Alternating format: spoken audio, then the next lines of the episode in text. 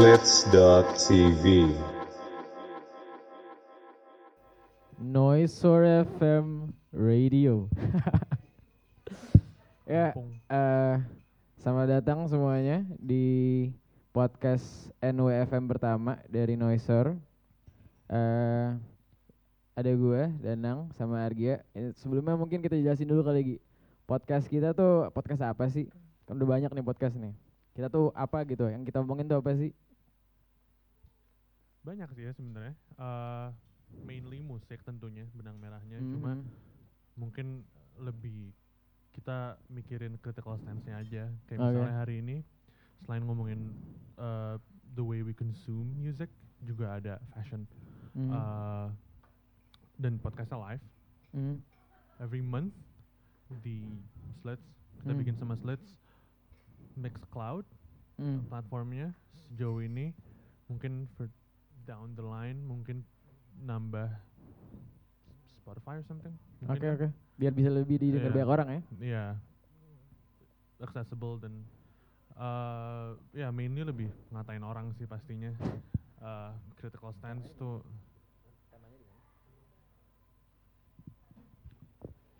Oke, kalau hari ini nih kita udah nyiapin tema besar ya sih buat kita nanti.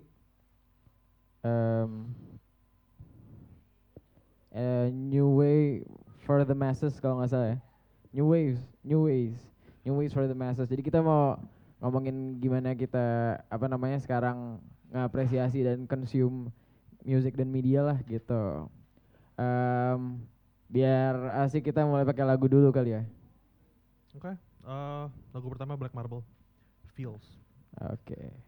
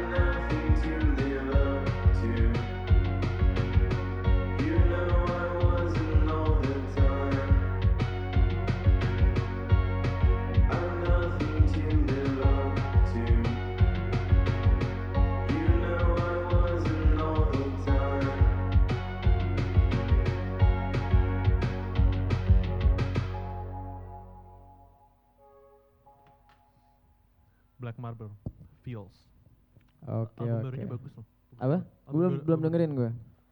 Secret Bones bro. Oke, ntar kita habis ini dengerin deh bareng-bareng ya kan. Oke. Em, ini apa namanya? eh, minggu ini gue udah lama, udah seminggu nggak ketemu lagi. Seminggu terakhir ada apa aja menurut lo nih yang udah kejadian atau lo lagi merhatiin apa aja?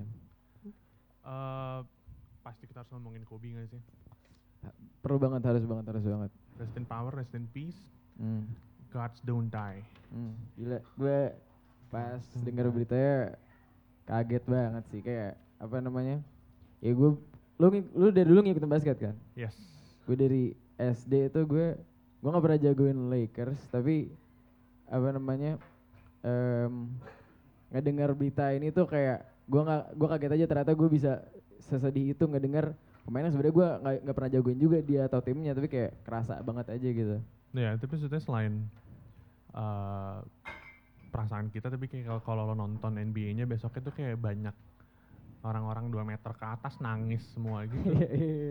Semuanya nangis kayak dan eh, dari dari gue sendiri kayak gue jam satu masih bangun kan buka Ah, Twitter. Ya, ya, ya. Sebenarnya sedih banget sih cara cara beritanya nyampe ke kita karena. TMZ duluan Gue kan. kira itu bercandanya, gue udah kesel banget ya. Gue kira iya sama, gue kira bercanda atau kayak fake news aja biasa Hmm, gitu. Sampai gue bangun sampai jam 4 nunggu di confirm. Asli, asli banget, asli banget. Akhirnya ini confirm sedih banget emang dan sama anak ya dan sama orang-orang lain yang di situ. Kayak yes, mereka lagi mau jalan ke game anaknya, gila. yes. Dan mungkin worth noting selain Kobe juga ada teman-teman yang lain. Hmm, ada 9 orang kalau nggak sembilan salah. orang, eh, sembilan orang, eh, delapan orang lain. Hmm, hmm. Dan ya gue tiap hari coba coba ngusahain eh, nonton NBA kan di kantor. Hmm, hmm, hmm. Emang Sempet sedih. ya, di kantor sempet ya? sempet bro sempetin Eh, ya sedih banget kayak lo lihat orang-orang nangis dan kayak sampai hari ini pun tadi gue ke sini masih dengerin podcast Hmm, masih ngomongin Kobe hmm. mau lo mau lo deng- mau lo merhatiin Super Bowl mau lo merhatiin pop culture semuanya ngomongin Kobe setiap Iya. orang punya cerita Kobe sendiri mungkin kita enggak lah ya kita jauh banget tapi kayak Dari sebagai penonton pasti ada lah kayak highlight-highlight yang lo pernah lihat selama karirnya kayak. Anjir Kobe pernah ini pernah itu gitu. Yang gue Yes. inget sih yang udah di akhir karir dia tuh yang dia ACL-nya robek apa apa gitu. Mhm, mhm. cedera. Gue gue nonton tuh game dia kayak bisa aja sebenarnya keluar tapi dia kayak memutuskan untuk nge-shoot free throw-nya dan kayak wah gila. Respectnya tuh lu mau nggak suka timnya tetap pasti respect sama Nah. itu orang gitu. Dan maksudnya sorry agak-agak tangent dikit. Sebenarnya kalau lihat statistiknya dia sama MJ lo main jauh. Mhm. Ini gue baru baru ngulik tadi. Tapi kayak gimana pemain-pemain sekarang atau orang-orang sekarang umuran kita yang uh, nonton N- NBA ya ingetnya Kobe gitu bukan MJ Hmm, karena hmm. MJ kan saat kita belum di lahir umur kita tuh kita ketemunya Iya. Kobe gitu saat walaupun angkanya Kobe nggak se comparable sama MJ tapi kayak footprintnya Kobe gede banget makanya Hmm. banyak pemain-pemain NBA yang punya cerita Kobe sendiri dan Mhm. Gue gue sempat kenal banget pas gue denger eh, podcastnya apa namanya, Box Out yang podcast dari Box to Box yang ngomongin tentang basket. Gue sempat denger eh oh gini, ini gue gue kena di sini gara-gara gini. Ya lo tau lah seberapa hebat Kobe dan kayak semua orang tau lah tentang Kobe gitu. Tapi ada satu dengerin gue dulu, dengerin gue Oke, dulu. oke, oke. Oke. Apa namanya? Pokoknya kayak dibilang di situ kalau misalnya sehebat-hebatnya lo tahu Kobe, field goal percentage dia tuh yang 47 persen. Dan kayak apa namanya? Ya cukup dengan lu denger itu, maksudnya kayak lu tau lah Kobe sehebat apa ya, tapi sebenarnya dia tetap miss 53 dari temba- tembakan dia, tapi kita Yep. tetap nganggap dia hebat gitu. Dan Yep, kayak yep. Exactly, kayak statistically biasa aja. Bukan, Hmm. bu- sorry, bukan biasa aja. Ntar gue dibakar sama. Tapi maksudnya tidak comparable sama orang-orang MJ, for example, Hmm. atau kayak siapa pun jauh. Tapi ya footprintnya gede banget. Buat Hmm. maksudnya secara agak secara apa ya bigger picture-nya lebih Hmm. lebih. uh, kompetitif gaya lah ya. pokoknya. Tapi menarik sih lo mention box to box. Kenapa tuh? Maksud gue kita kan lagi bikin podcast, kenapa lo harus sebut podcast lain? Ya, gue juga banyak kena dari Joe Biden gitu-gitu tuh pada ngomongin semua minggu ini. Jadi kayak ada hal yang gue inget banget aja dari gue, gue baru tahu tentang kayak percentage dia aja gitu ternyata gitu. Kayak going going forward kita harus bikin sebelum mulai rekomendasi podcast yang harus Boleh, boleh, boleh, boleh, boleh, kayak boleh, boleh, boleh, boleh.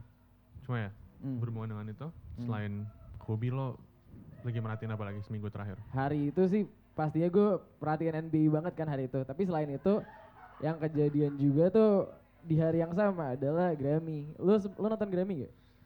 Enggak, tapi gue tahu Ngikutin aja gitu. Iya, ya? iya. Mhm. Ada highlight-highlight yang lu perhatiin gak di Grammy tahun ini? Big Thief harusnya menang. Di berarti ngalahin February kan? Jujur ya, Oh, Sorry sih. banget nih, Oh, sorry gue banget. gue gue gue gue seneng banget sih February kan menang lagi gitu. gue emang gak tahu Scaven Perry dari awal sih. Oh, sorry gitu? banget. Nggak tahu, kayak kesannya preppy boys aja. Iya, iya, tapi kayak Enggak, mereka dari awal Enggak, emang straightforward emang ya gue gini gue privilege tapi Gue kayak tajir gitu kan maksud mereka lo. make good, good music gitu Hmm. menurut gue. Nah. Gitu. Tetap Big Thief. The Big Thief. Eh, kalau dari yang nom- apa namanya kategori lain tuh, eh lo lihat yang Tyler menang kan? Apa? Tyler menang. Tyler menang ya, gue seneng banget. Eh, gue senang banget dan lo nonton yang speech yang setelah dia acara itu kan? Yang apa? Yang tentang urban. Iya urban ya. ya. ya, ya, ya. Dia bilang tuh kayak apa namanya eh masukin orang-orang seperti yang seperti Tyler di kategori urban tuh kayak apa namanya eh Backhanded. eh backhanded compliment dan Yep. kayak apa namanya the politically correct way to say the n word gitu itu gue kayak oh shit iya bener sih kayak kalau lo denger lagi emang kayak Igor emang not exactly a rap album Rap, yep, gitu ya kan Gue setuju. Tapi untuk Igor menang, Hmm. apa pun kategori gue seneng sih. iya iya iya iya iya.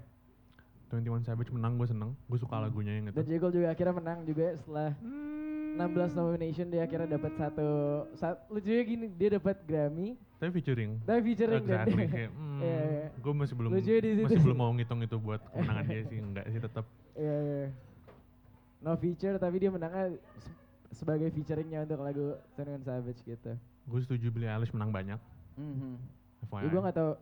Ya sebenarnya tahun lalu gue paling album paling suka ya Igor sih tapi kayak kinda deserve that I guess. Gak apa-apa sih. Thank you. menurut lo Boniver harus menang nggak berhubung lo fans berat Boniver menurut gue enggak soalnya sorry banget gue gak suka Eh, bukan album terbaiknya dan bukan album paling bagus juga tahun lalu. Ya jadi gue nggak apa-apa sih Bon Iver nggak menang. Tapi gue seneng banget akhirnya bisa kesampaian nonton dia. tapi lo mengakui kan album terakhirnya jelek Nggak Satu, sebagus itu. dua Nggak sebagus itu. oke Gue oke suka, gue suka banget tapi nggak sebagus itu. oke Eh, emang gak bisa kata lain suka untuk sih. jelek tapi gue terima Oke. Eh, tapi gue masih ya gue masih pengen ngomongin Tyler sih kayak gue inget banget pertama kali gue lihat dia tuh di Jimmy Fallon dia sama Hoji Beats nyanyi lagu Sandwiches terakhir kali dia eh, pas udah selesai nyanyinya dia kayak eh, lompat ke Jimmy Fallon gitu gue inget foto dan videonya gitu.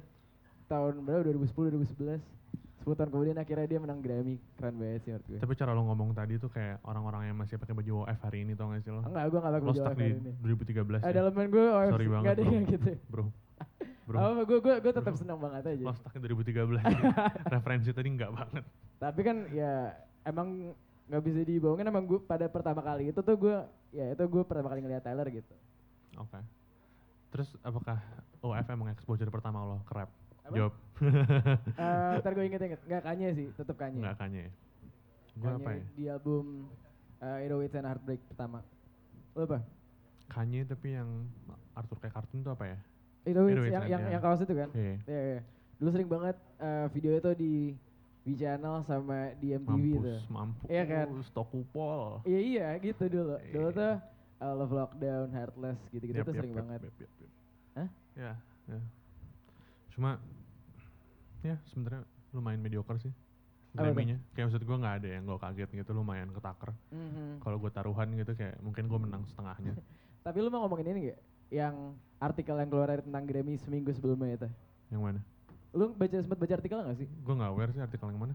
Yang jadi eh ex ex CEO-nya eh, Grammy itu kayak yang expose Ketahuan ya? Iya, yang dia Yes. nge-expose isinya Grammy itu gimana yang kayak banyak mainnya dan gue lagi nggak ada artikelnya sekarang tapi kayak kurang lebih itu sih sih ya. Ya, ya gue tahu yang dia ke, cewek kan? Mhm. Ya. Enggak sih, maksudnya gue tidak. surprising gitu ya. Ya, tapi FYI, kita Hmm. pernah datengin artis Grammy nominated. Tum- Ayo tebak siapa? Mitski. Yoi, best packaging. Ada lagi nggak sih? Nggak ada. Nggak ada ya? Akan ada nggak? Mungkin ada. Mungkin ya. gitu. Em, Tapi ya, Saya- Hah? moving on from Grammy, hmm, selain itu lo, coba, lo lagi dengerin apa sekarang?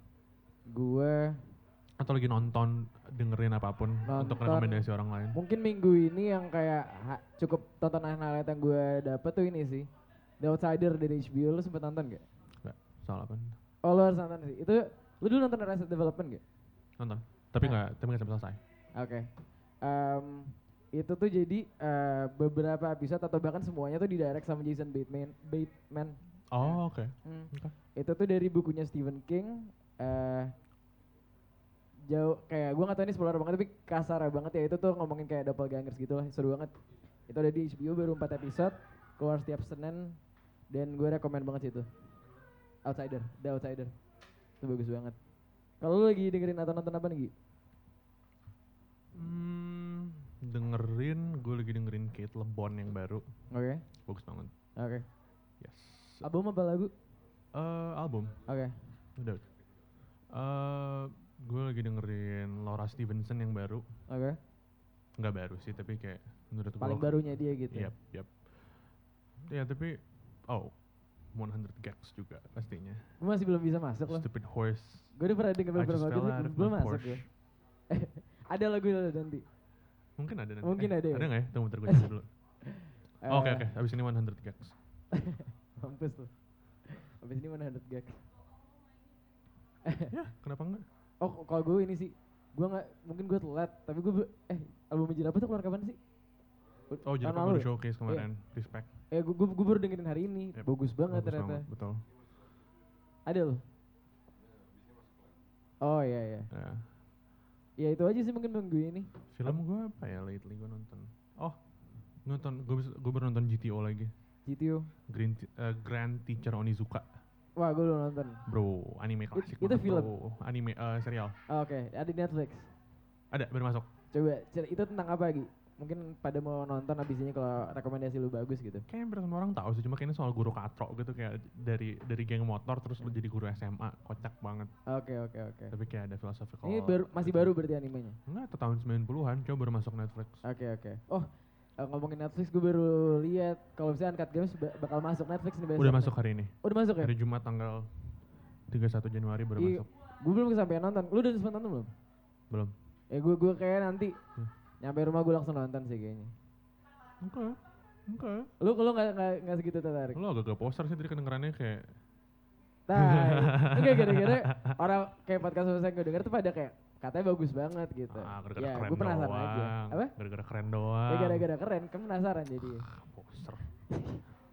Oke, Ya ini 100, ada lagu apa Gi? 100 gags. Ah, stupid horse.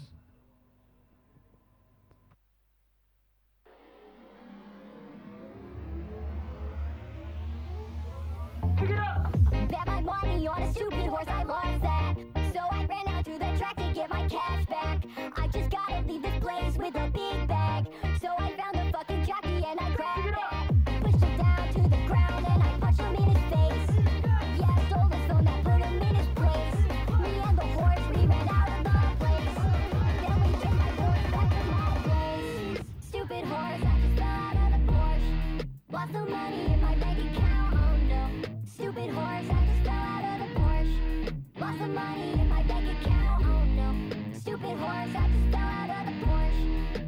Money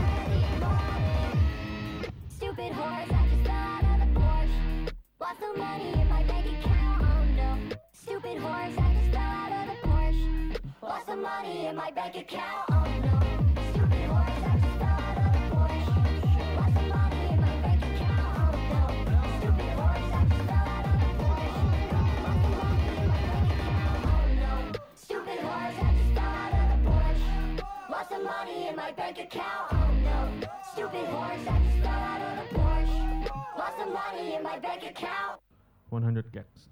Apa tadi Stupid judulnya? Horse. Stupid Horse. Oke. Itu harusnya Grammy. Ya nggak Enggak, sih? enggak, enggak, enggak. Bro. enggak. Bro, bro, bro, bro. Lu mau masuk, lu masukin ke kategori apa masih bingung banget ya? Best pop music. Best pop. Yep. Benar. Punya lu gue. Sebelum kita ngomongin topik lain, sebenarnya heads up. Casual Push. Hmm. Home Uh, Shake. Home Shake tanggal 25 Februari. Kita udah mau habis kayaknya. Itu ya. iya udah mau habis sih kemarin gue lihat sih. Bohong. Enggak, gue kemarin sempat lihat dong. Speak banget, Bro. Enggak lah, emang dikit lagi. Tahun lalu tuh sold out, tapi banyak orang yang bilang kita kalau wah nggak sampai nonton, gue telah tahu gitu. Nah makanya sekarang kita ngingetin terus nih. Karena Home Shake tahun balik lagi. 2018 kita Hmm. belum se-eksis itu. Mem- Sekarang udah bisa swipe up ya kan? Udah bisa swipe up. Mhm. eh, udah terkenal lah. Dulu mah susah. Apa? Dulu mah susah. Mm-mm. Enggak, Sem- gua gua ngunyah dulu ya. Hmm. Yeay. Eh, selain home shake ada Oh iya, ding gua, gua belum boleh ngomong cuma tanggal 5 April. Kita ada show lagi. Yes. Banyak bakal banyak yang suka nih, banyak yang nungguin. Ini kalau orang-orang lihat muka-muka muka-muka lo semua setelah gua ngomong tanggal 5 April tadi semua orang pada kecewa gua ngomong tanggalnya. Tapi nggak apa-apa. Oh iya, baru denger gue tanggalnya, tapi nggak apa-apa lah. Emang apaan sih? Kok lo baru tahu? Nggak bercanda. Oh. Sekarang aja kita, kita bocoran sekarang lah. Boleh sekarang, eksklusif. Oh nggak boleh. Depannya. Oke, Oke, nggak boleh. nggak dulu, nggak dulu. Ah, Brockhampton. Alias uh, artist of the decade-nya Argia. Ya. Iya, Eh, iya nggak? Iya nggak? Iya nggak? Kagak lah bro. Ah, tai bohong anjing. Kagak lah bro. Tai gue lihat sih iya sih kayak gitu. Rockhampton bawahan Apa ya, apa ya? Ayo ngarang. Billie Eilish. Billie Eilish. Nomor tiga apa? Rex Orange County. Enggak itu Top. empat. Oh, tempat. Tiga apa kemarin? Fish apa gue lupa. Kalau nggak Fish India. What? Asik. eh, eh, kenapa? Pembuka selem. Ning, emang Hah? kenapa kalau fish? Ah, Lu sempat sering kata eh Hah? lu nonton evaluasi katanya nangis video Iya enggak? Enggak ya? Iya, emang evaluasi bagus. Oh, iya. Emang evaluasi bagus. Itu memang Enggak bro, terlepas dari itu semua lo mau ngatain fish atau Baskara sebenarnya produksinya bagus. Konten, Bagus. kontennya menurut masing-masing aja ya, cuma Hmm. produksinya bagus. bagus, bagus. Enggak ada yang bilang jelek. Oke, gue cuma mau main namanya ya takutnya gue diselepet ntar. Em, tapi gue dari tadi kita ngomongin musik dan juga sedikit tentang podcast ya. Eh, apa pun aplikasi yang kalian lagi dengar kita ngomong sekarang nih, eh, ada satu hal yang gue sadarin sih akhir-akhir ini sih. Kayak kita tuh sekarang mudah banget ngakses musik yang kita mau denger gitu. Ya. Lu bisa bisa tinggal nge-search aja lu la- lagi pengen dengerin apa? Lu pengen lagi pengen dengerin 100 gags abis itu lu mau dengerin tuh bisa aja seamless gitu. Lu tinggal nyari nggak usah nggak usah beli nggak usah download nggak usah gimana lah kayak mungkin dulu gitu. Menurut lu gimana gitu tentang observasi itu apa? Itu menurut lu biasa aja apa gimana Sebenarnya kompleks banget kali ya kalau mau ngomongin streaming hmm. dan gimana kita consume Hmm. uh, musik selain dari point of view kita sebagai konsumen juga ada point of view lain dari uh, musisinya. Mungkin kalau lo sering lihat gue sering retweet retweet artikel-artikel yang lumayan kritikal terhadap uh, streaming platform. Hmm. Tapi mainly sebenarnya kalau dari konsumen ya menurut gue negatifnya dikit sih. Tapi nomor, nomor satu accessibility-nya gede banget. Lo bayangin kalau nggak ada platform-platform tersebut mungkin lo nggak kenal beberapa artis-artis yang sekarang favorit lo juga gitu. Kalau emang kita mau bergantung pada distribusi konvensional ya sebenarnya lumayan homogen kalau nggak ada streaming. Iya, Apa pun iya, itu mau setuju. SoundCloud, mau Spotify, mau YouTube.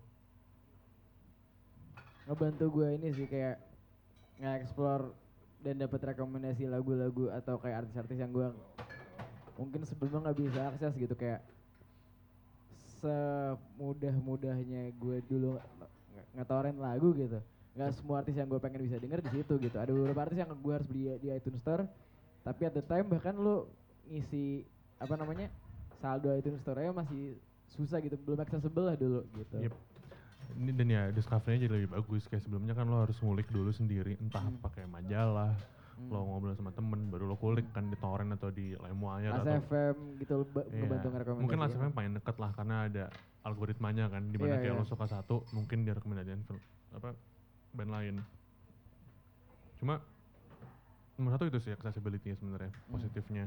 Tapi mungkin mungkin lo udah sering dengar argumen ini berulang-ulang sih tapi kayak gimana streaming kita nggak bisa appreciate satu album secara satu kesatuan. Tapi Iya, menurut iya, gue iya.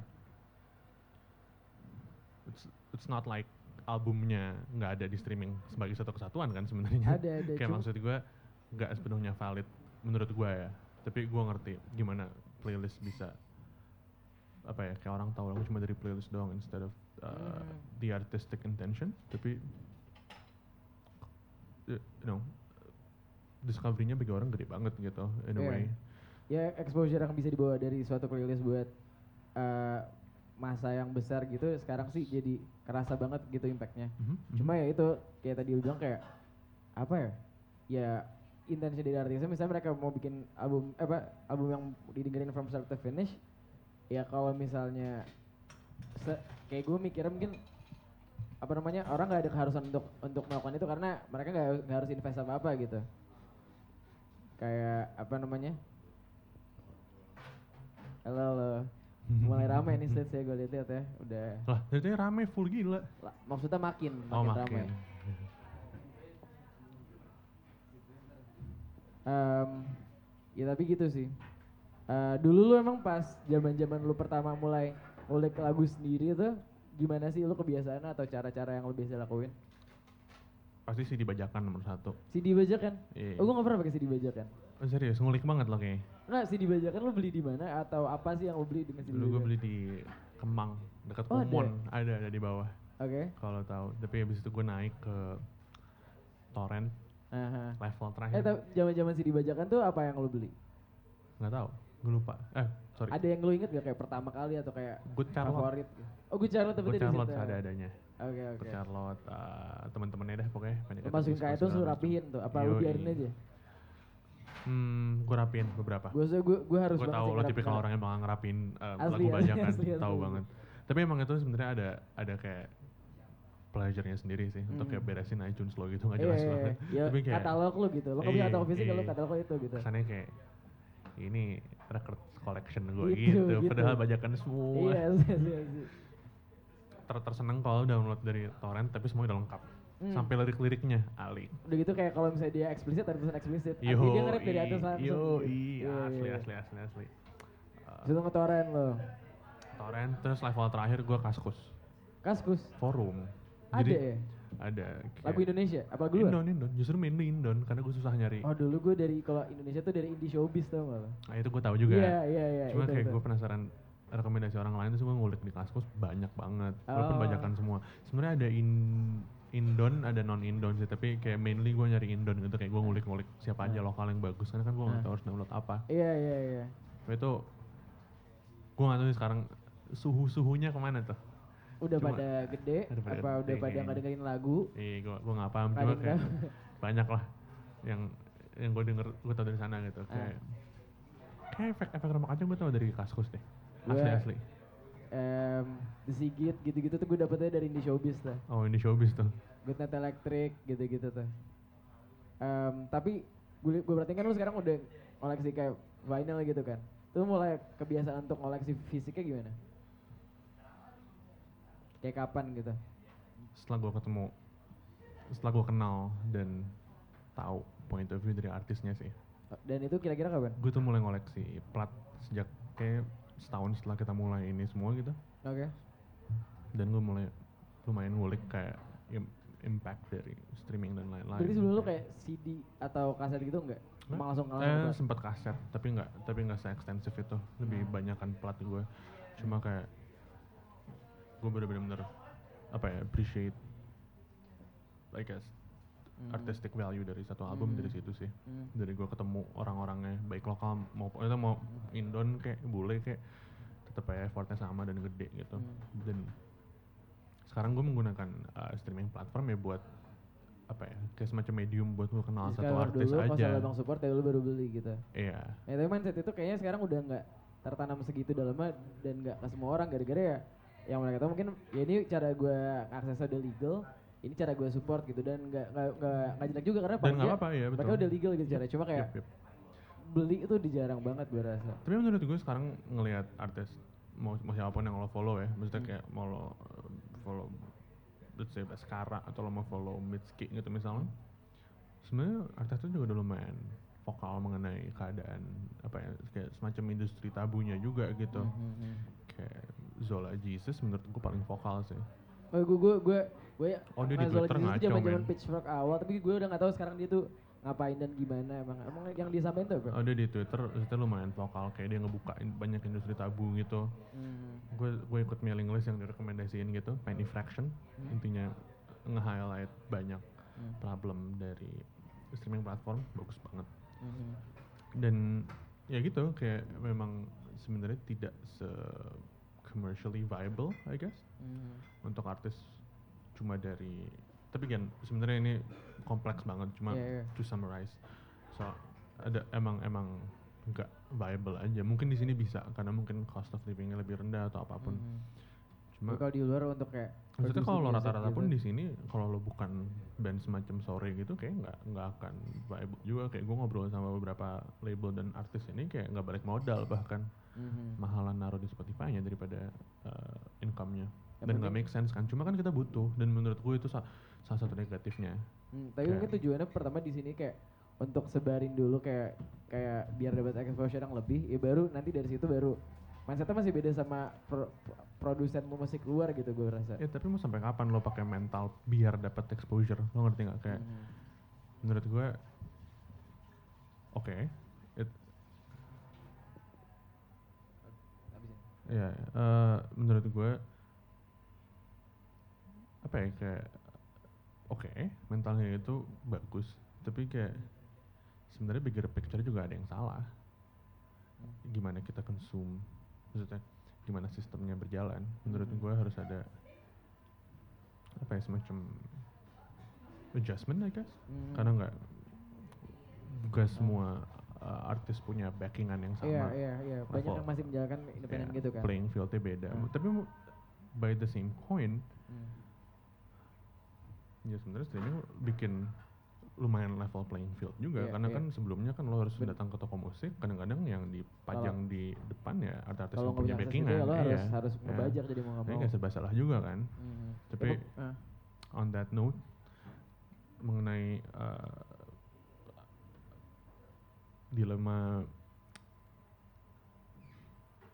streaming gue mau mainin lagu boleh boleh. Ada Orange- apa nih abis ini? Orange Juice Rip It Up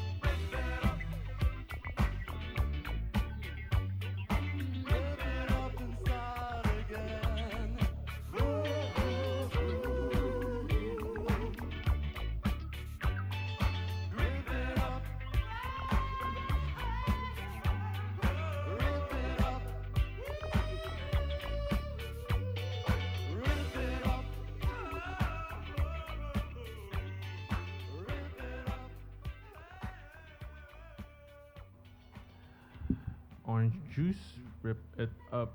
Gimana nih? Lagu gue asik gak sejauh ini? Apa? Lagu gue asik gak sejauh ini? Main. Main. Mungkin gue bisa lebih. Apa? Gue gak ada mic gitu. Ya. Nanti pas. Eh, jangan.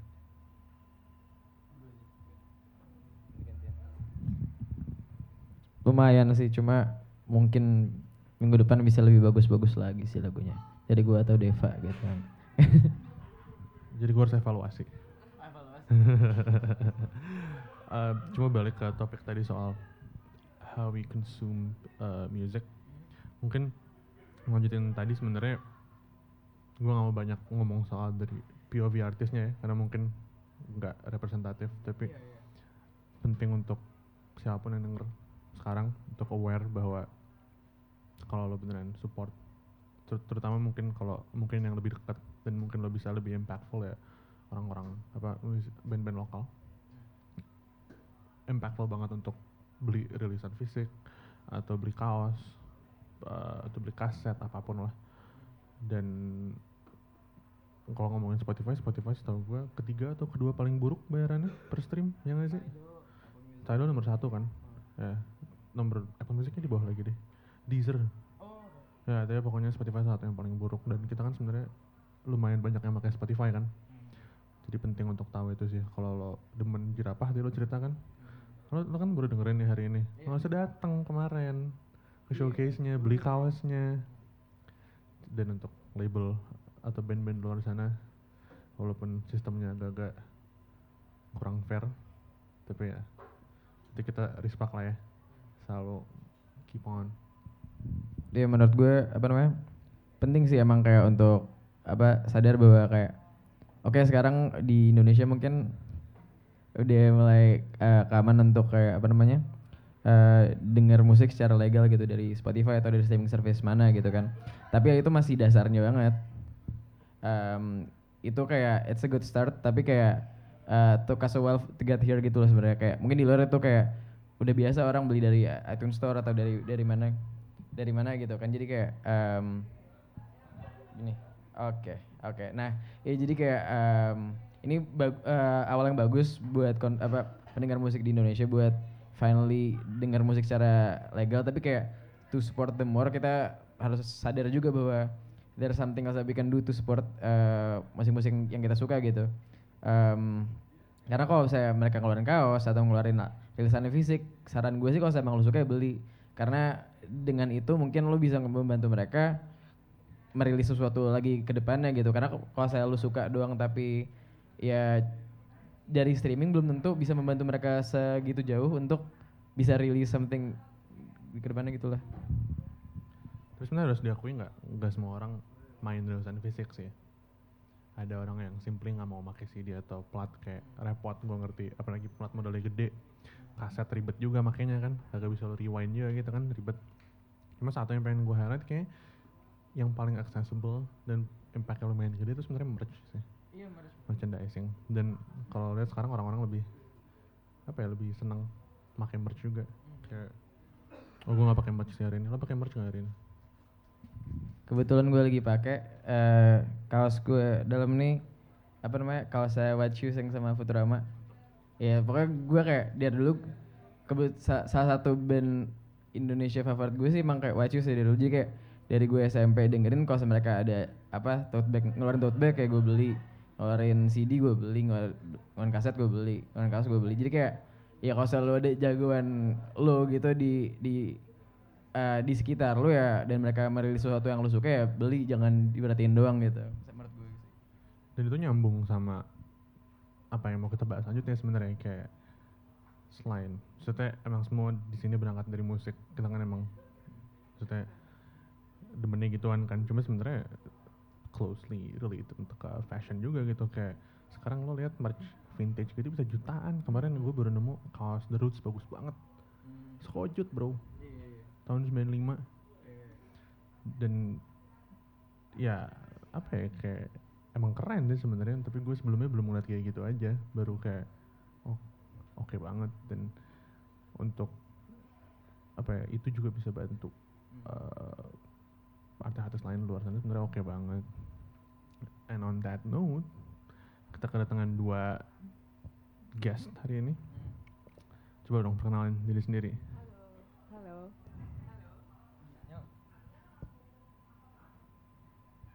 Cek cek. Halo. Halo, oke. Halo. Eh, gue Rara dan Gue Abi. kita berdua dari Omo.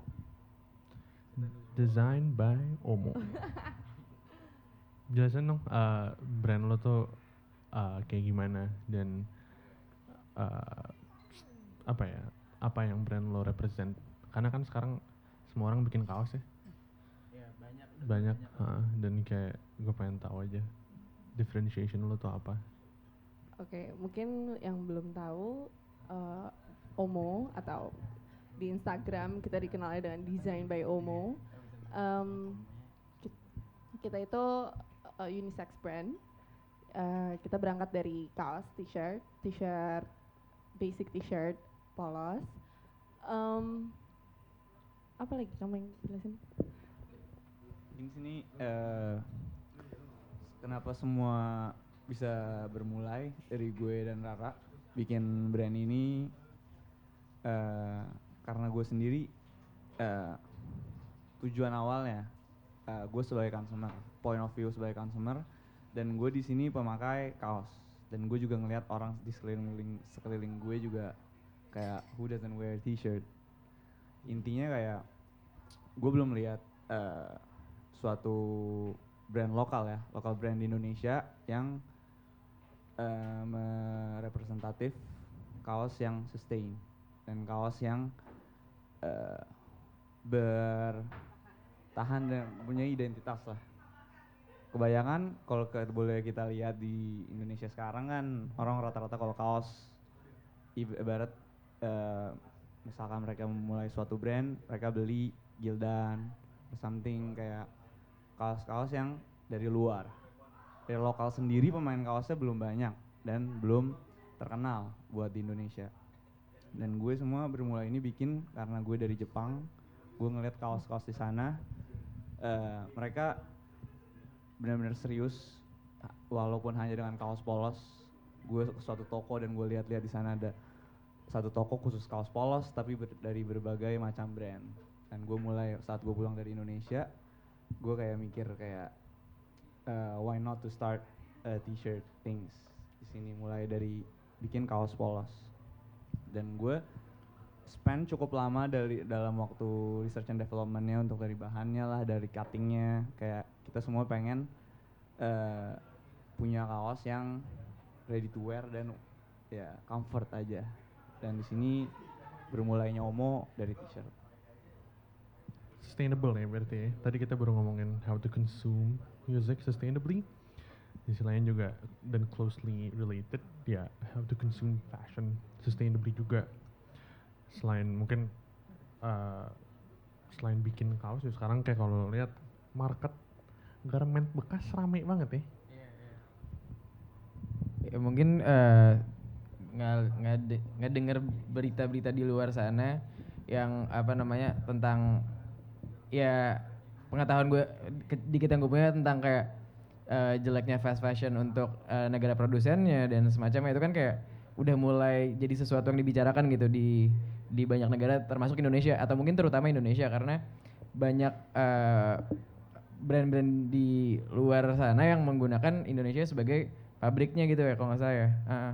Nah jadi eh, itu udah mulai sesuatu yang kita bicarakan, tapi kayak gue rasa belum banyak nih yang ngerti sebenarnya kayak apa sih yang yang eh, menjadikan suatu brand atau suatu eh, baju itu sustainable gitu dari segi apa aja sih yang dilihat eh, yang dilihat gitu da- terutama da- dari desain by Omo sendiri tuh eh, gimana sih mendefinisikan sustainability dari produksi bajunya kalian gitu. um, mungkin konteks sustainability itu it goes a long way. Uh, nggak cuma dari berapa banyak baju yang dibuat, tapi bagaimana itu dibuat juga it, it does count. Um, mulai dari pem- uh, pemilihan bahan, kenapa, kenapa kita uh, menghabiskan waktu banyak, lama banget di bagian research and development because karena yang tadi Abi bilang pas kalau misalnya kita punya kaos yang berkualitas itu akan bertahan lebih lama. Uh, it hinders us from buying new shirt every day or every week or every month. Jadi uh, kita pingin bikin kaos yang awet, yang bisa bertahan lama. Jadi orang nggak perlu beli berkali-kali Mhm. untuk satu kaos yang sama. Mhm. Iya, to reduce the fashion waste. Um, karena ujung-ujungnya kalau baju itu udah belel, dibuang. Iya. Atau nggak dijadiin, pas sebelum dibuang mungkin dijadiin baju tidur dulu. Eh, Jadi lap, baru dibuang. Gitu beli- kan. Beli baju baru lagi dengan Baru kualitas yang sama. sama. Iya, iya, iya. Jadi kita coba uh, membuat satu produk yang bisa bertahan lama, supaya orang itu nggak perlu beli terus. Oke, oke. Um, ya itu sih the one the main point of creating a sustainable product. Maksudnya ya, gue setuju sama semua poinnya, tapi gue tertarik sama gimana cara lo mengkomunikasikan poin-poin ini. Kayak mungkin nggak semua orang tahu gimana impact dan maksudnya bukan masalah skalanya doang, tapi gimana garmentnya dibuat juga penting kan, dan mungkin nggak semua orang tahu gimana lo sebagai apa ya pem- pembuat dan pengrajin nih pengrajin garment eh mengkomunikasi ini ke konsumen-konsumen lo atau mungkin calon konsumen karena menurut gue apa yang ngomongin tadi berlaku buat semua orang bukan buat konsumen lo doang tapi eh, ada bigger picture-nya di sini Nah, di sini Omo kan berawal dari t-shirt. Hmm. Apa yang kita pingin uta- utarakan lah ke customer-customer kita tuh save the environment. Mhm. Ya, secara nggak langsung kita means ya save the environment and the planet. Hmm. Dan di sini makanya kita em, membuat exclusive collection. Oke. Jadi nggak cuma kaos, which is kita punya beberapa exclusive collection Mhm. yang exclusive collection itu sendiri kita buat dari barang-barang material yang dead stock. Oke, oke. Jadi kayak eh, kita research lah kita ke beberapa kota kayak di Bandung dan juga kontak beberapa ya garment di Bali Mhm. dan kita juga di sana ngelihat kayak oh banyak ya barang-barang dead stock kayak bahan-bahan material dead stock di sana yang ujung-ujungnya jadi sampah jadi Hmm. dead stock yang ya itu menjadi fashion waste ya Hmm. yang nggak bisa yang tadinya mungkin bisa dijadiin sesuatu tapi gara-gara mungkin kayak tidak terpakai jadi jadi sampah. Hmm. Nah di sini exclusive collection dari Omo kita kita buat ini berdasarkan ya ada sebabnya gitu karena kita pengen nge-reduce fashion waste. Mhm. Dari jadi dari dead stock dead stock itu kita eh, ambil bahannya kita beli kita beli bahannya dan kita jadikan sesuatu yang bisa dipakai. Oke. Nah, makanya exclusive collection ini eh, dari Omo juga itu tidak repeat, means nggak produksi ulang, hanya pakai dari bahan yang ada dari dead stock. Jadi misalkan kita beli bahannya, misalkan let's say cuma ada 5 kilo, Hmm. misalkan jadinya mungkin sekitar akan jadi ya 12 baju, dua satu dua lusin celana, Mhm. ya mungkin hanya itu aja yang dijual karena nggak akan repeat. Jadi eh, salah satu kita ngebuat campaign juga to save the environment Mhm. kayak semua yang kita buat pasti ada sebabnya. Kayak ada reason behind the product. Mhm. kayak jadi kayak why we, why we make this? Karena ada sesuatu. Karena kita juga ingin ya nge-save lah save the environment by little thing. Karena mulai dari kecil ya, itu lebih baik daripada kita nggak berbuat apa-apa. Mhm. dan menurut gue di sini Omo eh, untuk saat ini ya a little start eh, from us to build the environment Oke. contribution Mungkin tadi menjawab pertanyaan A- Argia, Hmm. uh, how we communicate our message. Ini salah satunya paling besar adalah melalui Instagram ya. Um, itu main our main uh, media medium for to communicate to our customer. Kita bikin melalui foto, uh, teks yang kita share. Kadang kadang kita selalu berandai-andai ini orang baca kan gitu. Mhm. Karena nggak tahu ya, mungkin some people read captions, Mhm. but some people don't. ya Jadi kita coba uh, put it in a graphic way, karena according to research, orang tuh suka infografik. Jadi kita s- bikin series namanya Get to Know.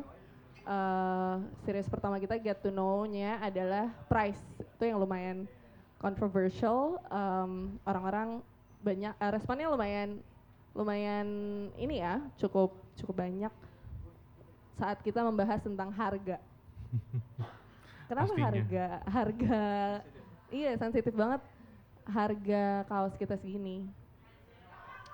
Jadi eh, mungkin orang tuh lebih tertarik sama ha- eh, hal yang sensitif. That's our main way to communicate our message.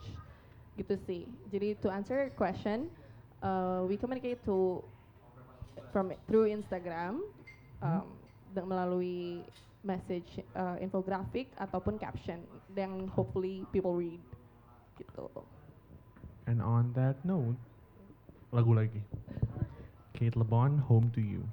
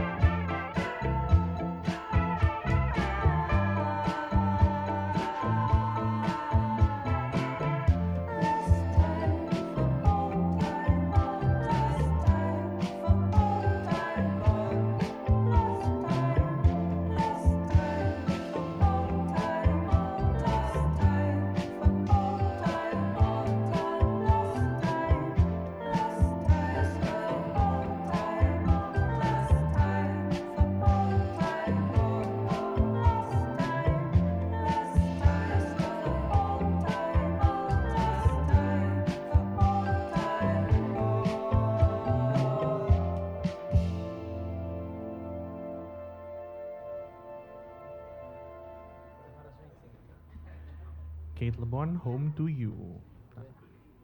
Di sini masih ada satu lagu lagi, Death Will Bring Change,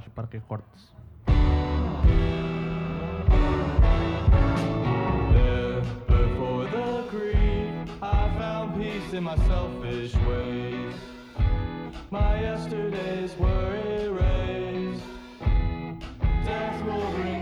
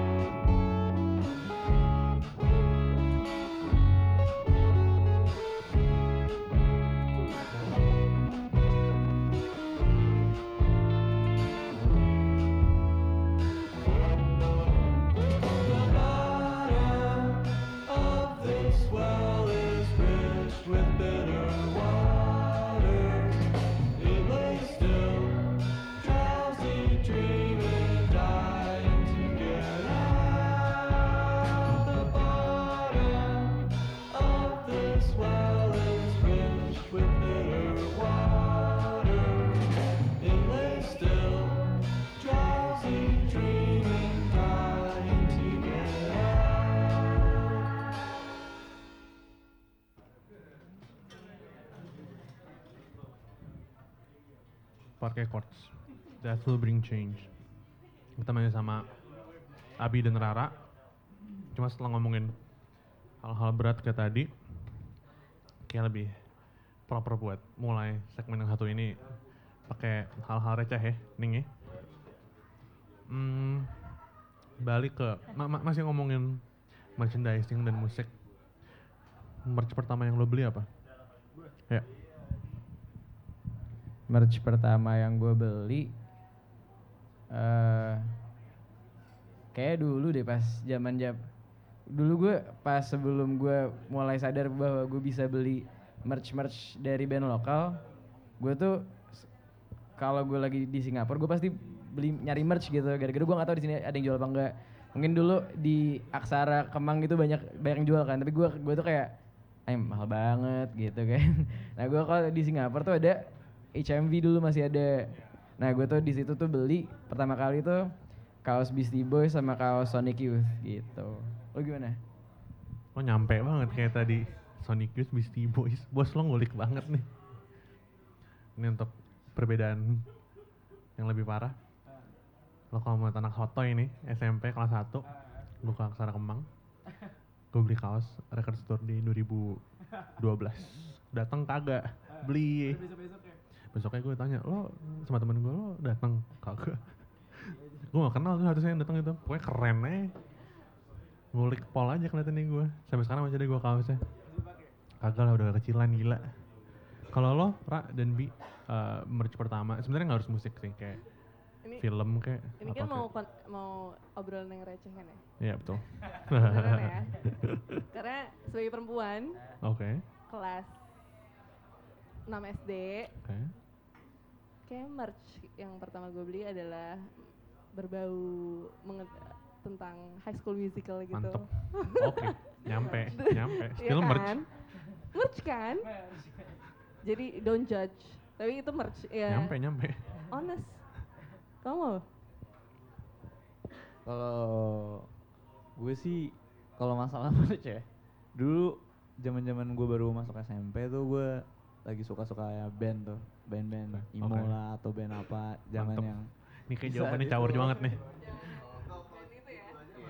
kayak dulu gue eh gue inget waktu BLG ke sini Boys Like Girls Mantap. Nah, gue juga gua- nonton. Gue juga beli, nonton. Gua beli merch-nya tuh, merch, tapi merch concert.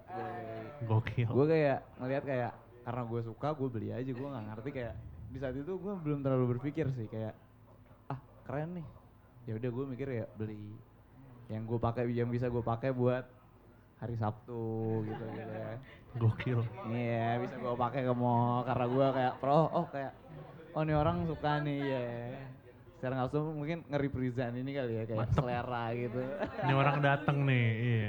iya Dan emang itu mungkin sa- satu cara gimana kayak lo bisa menghargai merchandise lebih dari kaos biasa gitu. Gue bukannya mau merendahkan lo jualan kaos polos ya, tapi maksud gue kalau lo beli merch gitu kayak gue usaha apa effort gitu kemarin gue baru beli apa ya? Ya adalah pakai merch nggak jelas gitu. Merch obscure yang lo nggak nyampe lah, nggak nyampe. Maksud gue lo merch itu ada second layer appreciation dan kayak banyak merch gue emang gue inget naruh di mana dan kadang-kadang gue pakai juga gitu jadi kayak umurnya lebih panjang daripada kaos Uniqlo polos atau kayak kaos distro gue SMP gitu. H&M gue gak pernah beli H&M lo bahannya gak enak. Sorry banget. Gue dulu pas ya gue kayak pas dulu gue SMP gue nggak tahu apa sih bedanya kayak eh, apakah ada implikasi tersendiri dari gue beli di H&M atau enggak ya itu gue kan nggak tahu kan. Ya jadi dulu pas gue SMP tuh gue sempet beli kaos kayak plesetan gambar covernya Unknown Pleasures gitu dari H&M jadi kayak ya udah gue support juga. Walaupun gue nggak tahu itu kaos asli apa enggak.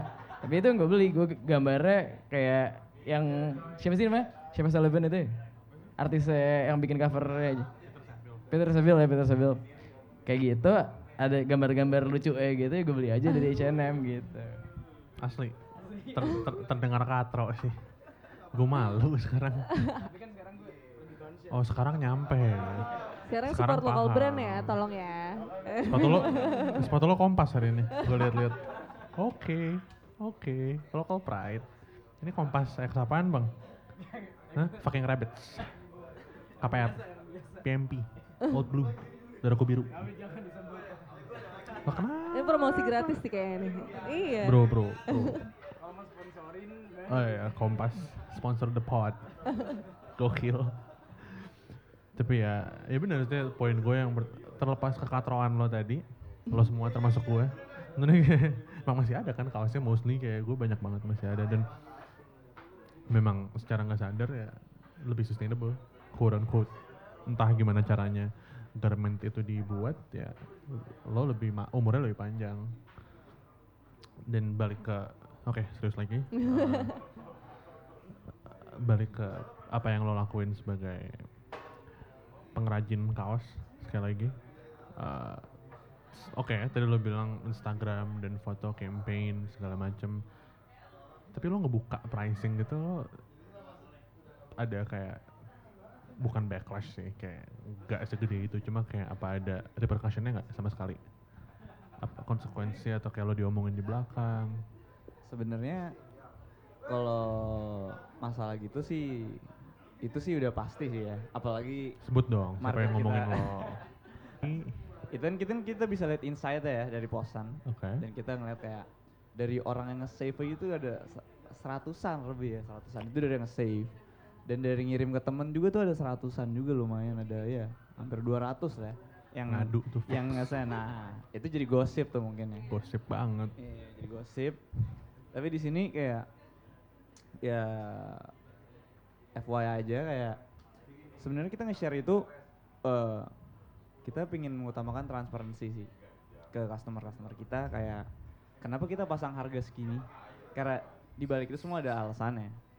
Jadi mungkin yang keberatan itu orang-orang yang nge-set harga overprice mantap dan dia mungkin kena dampaknya kayak orang mungkin baru tahu oh segini, oh segini. Jadi oke kayak sekarang sekarang gue mau nanya lo dan, dan lo harus jawab Iya. brand apa yang markupnya paling tinggi Apa? brand lokal apa yang markupnya paling tinggi sebut sekarang sebut sekarang ayo brand paling marka paling tinggi ya.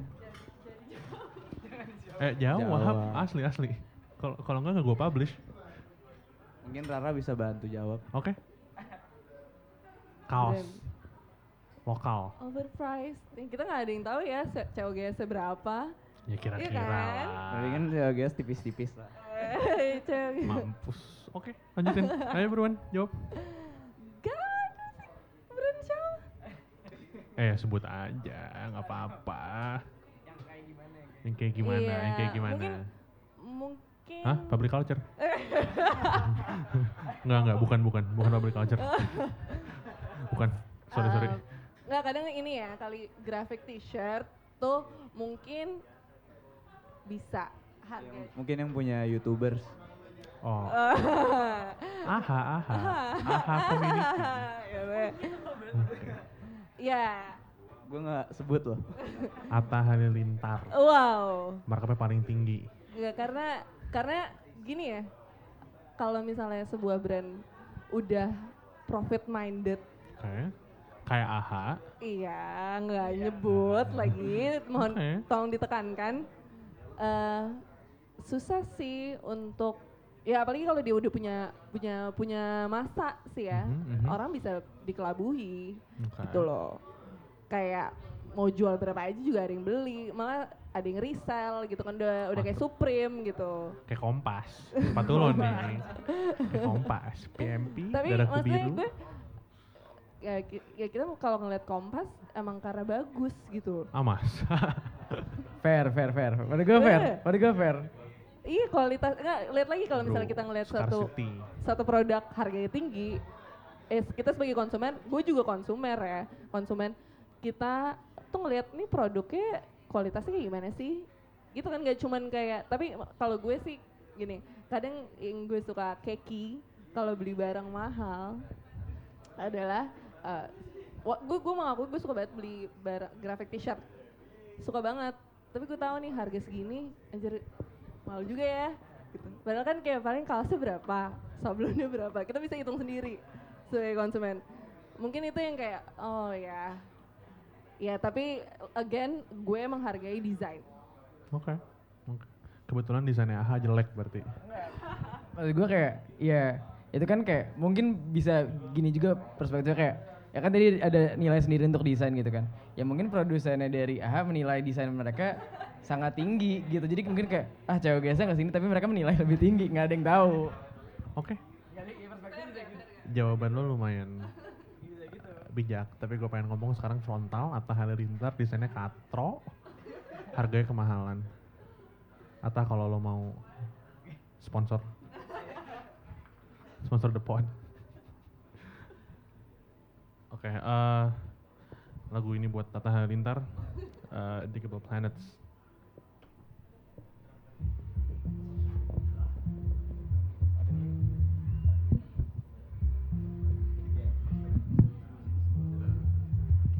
Spaces and places we fly. Kicks and four places and spaces we fly.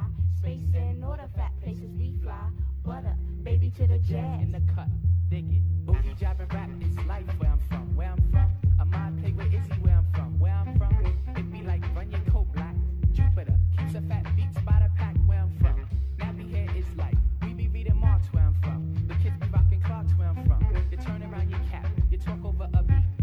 sounds booming out of Jeep where I'm from. Cocoons hide you, swoon units hundred proof.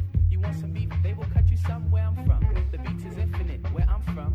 Voodoo at Shubanin, gangsta lean where I'm from. I'm interplanetary, my insect movements vary. It's kinky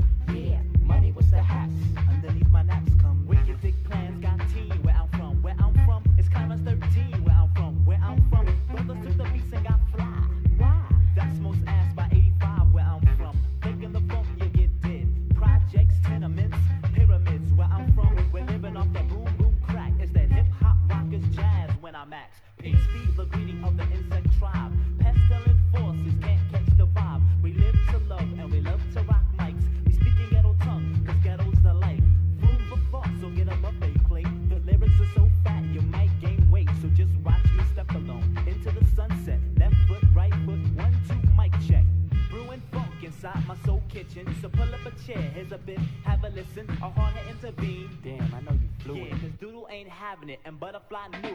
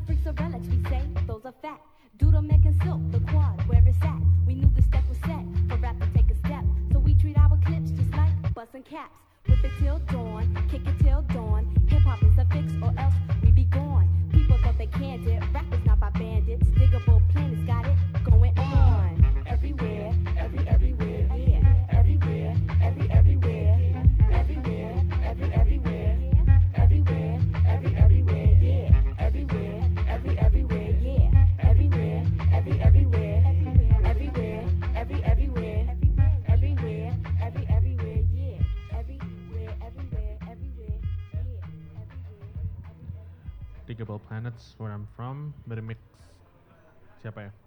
Ntar gue kasih tau deh. Eh, balik sama masih sama gue, Naning, Rara, dan Abi.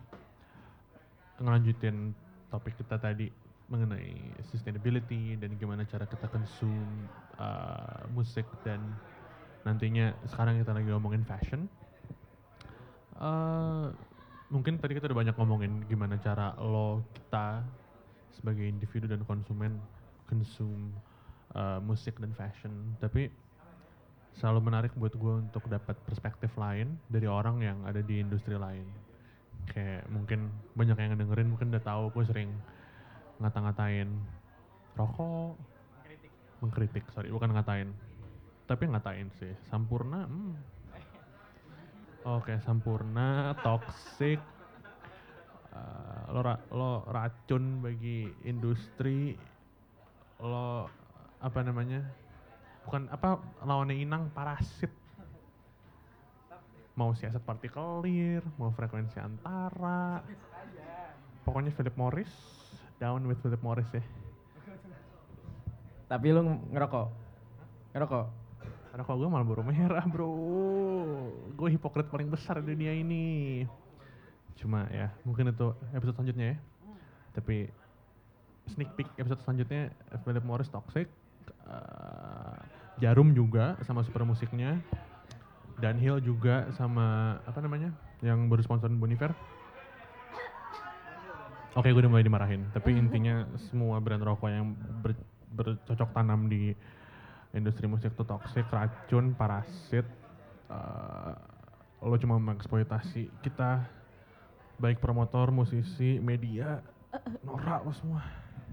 Itu mungkin tentang industri musik ya. Tapi untuk saat ini karena kita ada tamu dari desain Biomo, kita penasaran juga nih kayak kalau di industri lain tuh gimana sih? In this case industri kreatif atau clothing gitu. Kayak buat kalian tuh apa sih kayak concern-concern yang mungkin uh, dirasain oleh uh, judulnya pasti kayak ini tuh kok startup brands apa gimana sih? Kalau kalian tuh brand apa sih sebenarnya? Atau dan kayak musuh-musuh instansi seperti kalian tuh apa gitu? Sebenarnya eh, di industri clothing brand ya, kayak kita nggak melihat musuh sih kayaknya. Itu Gak ada musuh. iya kita Oke. melihatnya sebagai kayak preference customer aja. Gue denger lo musuhan sama Des. Gue denger lo musuhan sama Des. Mau apa? Musuhan sama Des. Waduh, Levin is our best friend. Ini ntar ada ini loh, mau kerja sama. Oh, oke. Iya loh. Oke. Kita di sini sebenarnya kan zaman sekarang nih udah ya buat di industri clothing apalagi di ya angkatan kita ya di angkatan-angkatan kita sih kita lebih prefer daripada sikut-sikutan dengan kerja sama nyari ya exposure bareng cuan bareng ya itu lebih apa ya menggambarkan kayak ya kolaborasi lebih baik lah daripada kita perlu ya sikut-sikutan Oke. saling-saling menjelekkan ngomong-ngomongin di belakangnya itu pasti masih ada sih Gue harus stop jawaban diplomatis lo. Gue bakal nanya langsung. Concern lo apa mengenai industri garment, kaos, Hmm. specifically karena kan di Jakarta aja udah banyak kan kebanyakan pemainnya kan. Concern lo apa? Nggak harus musuh, cuma kayak misalnya gue, concern gue apa ya? Ya pokoknya ada lah. Tapi maksudnya tiap industri punya problem masing-masing kan. Di industri kreatif bagian garment sana concernnya apa? Apakah kebanyakan orang pakai gildan? Apakah rebutan vendor? Atau mungkin sikut-sikutan harga? Sikut-sikutan engagement Instagram? Atau apa? ya menurut gue sih yang paling sensitif tuh ya masalah price sih harga harga tuh sangat ya cukup menentukan di sini. Dan yang gue concern sih lebih kayak ke harga itu nggak sesuai dengan kualitas menurut gue untuk saat ini. Karena banyak ya cukup banyak ya brand-brand saat ini apalagi brand lokal yang kayak ngeset harganya main. Ah gue pengen langsung set harga tinggi biar gue brand gue punya prestige ya itu Padahal ya suka katro ya. iya padahal suka suka Padahal mereka katro. aja Mm. suka suka mereka mau set price kayak gimana pun tapi ingin membangun kayak oh brand gue nih mewah brand gue punya prestige kayak ya kalau dari kita sendiri kenapa kita nggak bikin kayak brand yang ya kita nggak butuh prestige tapi kayak kita lebih ngutamain fairness Oke. harga dan kualitas ya sebanding lah kayak buat apa kita buat brand yang harganya mahal terus oh nih mahal nih mahal nggak means bagus di sini Oke, jadi Apalagi- kesimpulannya brand mahal, katro. ya banyak Oke. di Indonesia Oke. Kayak gitu ya, ya Hah? udah, Hah? oke. Tapi Gimana maksud tuh? gue eh, ya kita mengutamakan fairness gak cuman dari customer, maksudnya kayak customernya tahu barang itu bagus, berkualitas dan lain-lain ya, tapi dari how they pack their brand. Oke. Eh, itu juga menurut gue cukup bisa dijudge kayak karena ya ya lo bisa bilang barang lo bagus dan lain-lain tapi brandingnya biasa aja menurut gue nggak fair kalau misalnya dikasih harga mahal tapi yang gue pilih lebih pin highlight adalah fair ke tukang jahit Oh, oke, bagus. maksudnya karena kasihan banget kalau misalnya kita dapat untung berapa ratus persen Oke. tapi si tukang jahit ya cuman segitu-segitu aja. Eh, maksud gue ini juga perlu di ini ya, eh, di ya diingetin lagi sama Mhm. cari vendor. Kita sebagai pemilik brand harus pintar eh, nyari vendor yang mengutamakan fairness kepada karyawannya. Jadi itu penting sih untuk ya kenapa harga segini adalah karena emang bayar si tukang jahit itu segini gitu. That's that's main point of why we uh, create that get to know price. Oke, pertanyaan. campaign. Berapa persen dari harga jual lo dipakai buat bayar penjahit? Jawab Ada sekarang. dong. Kita, Oh, ada. kita kita bikin. Oh, bagus. Oke, oke. Sebelum lo tag gue, gue udah Oke, oke, oke, Ada, ada semua. Be- Berapa persen tapi? Berapa Karena persen? gue Say? nggak baca. Coba, coba cotekan. Oh, lo bukan sejauh itu? Gue bukan sejauh itu. Gue Oh. buka dari harga bahan, harga jahit, harga logistik. Eh, kayak eh, mungkin margin dari lain-lainnya dari itu kayak kita include photoshoot dan branding karena itu semua kan semua pakai ini ya pakai duit ya Yep. kita ibarat jujur eh, ya kita bisa eh, untuk edit edit foto kayak atau make kayak bikin campaign tapi kayak untuk beberapa editorial kita outsource dan kita nggak bikin sendiri dan kita itu bayar Kita juga disupport teman-teman kita yang baik, kayak Oke. Sherdy gitu. Petisi untuk AHA untuk buka harga ya berarti? Kita aja dari Ata. berapa persen tuh? kira-kira kita jahit ini sekitar hampir 15 persen Oh wow, oke. Iya. Dari harga kita li- untuk manufacturingnya aja ya di luar fabric 15 persen. Oke, pertanyaan warga. Ning, menurut lo fair nggak? 15 persen dari Buat harga jahit. jual.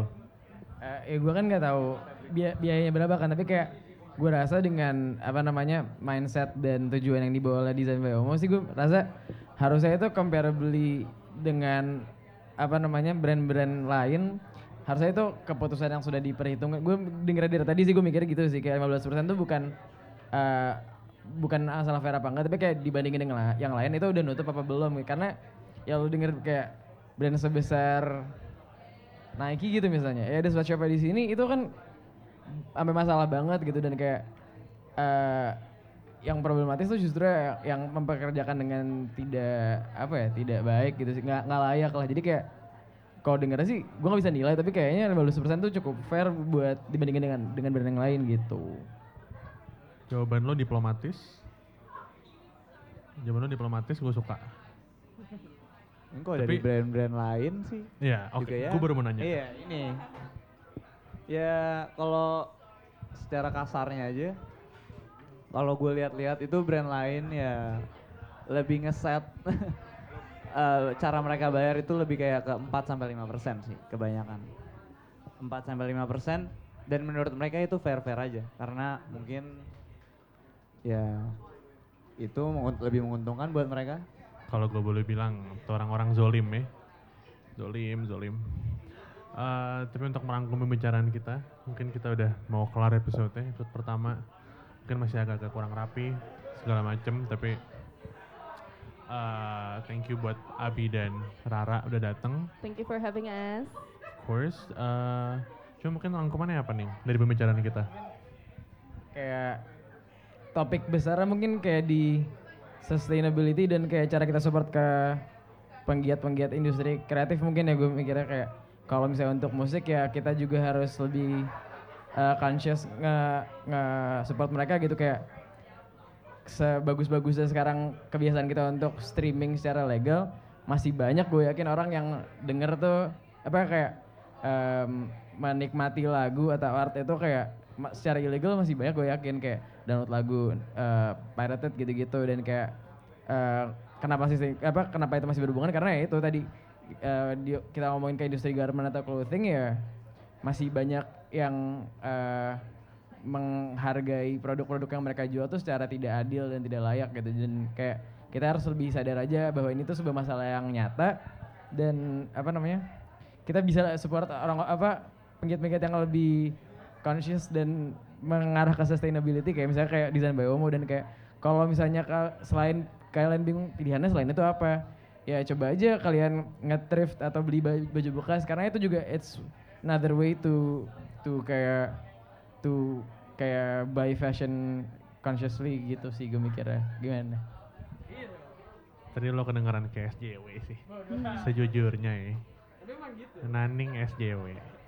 Cuma mungkin lo- yang lebih simplistik gue jadi maksudnya gue bisa rangkum kayak untuk menghasilkan album, kaos, apa pun itu uh, produk lain general tuh banyak value yang di di input ke sana. Dan untuk lo make dengan sembarangan baik legal maupun ilegal menurut gue bukan disrespectful ke artisnya tapi kayak ada cara-cara lain. Kalau emang lo suka sama pengrajinnya brandnya artisnya banyak hal-hal yang bisa lo one more step untuk appreciate mereka mungkin itu untuk uh, episode ini Rara atau Abi lo anything to plug artis apa artis sorry koleksi lo selanjutnya apa pun segala macam upcoming anything Um, ini masih bulan Januari ya.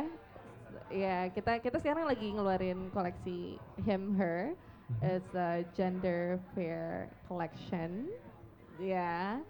Um, tapi it's a long way. We just entered 2020. We still have a lot more coming. So just stay tuned. Setiap bulannya pasti kita ada sesuatu yang baru. Jadi ya, stay tuned. Oke, desain at design by Omo At di Design by Omo. Udah kayak ini ya radio ya promosinya.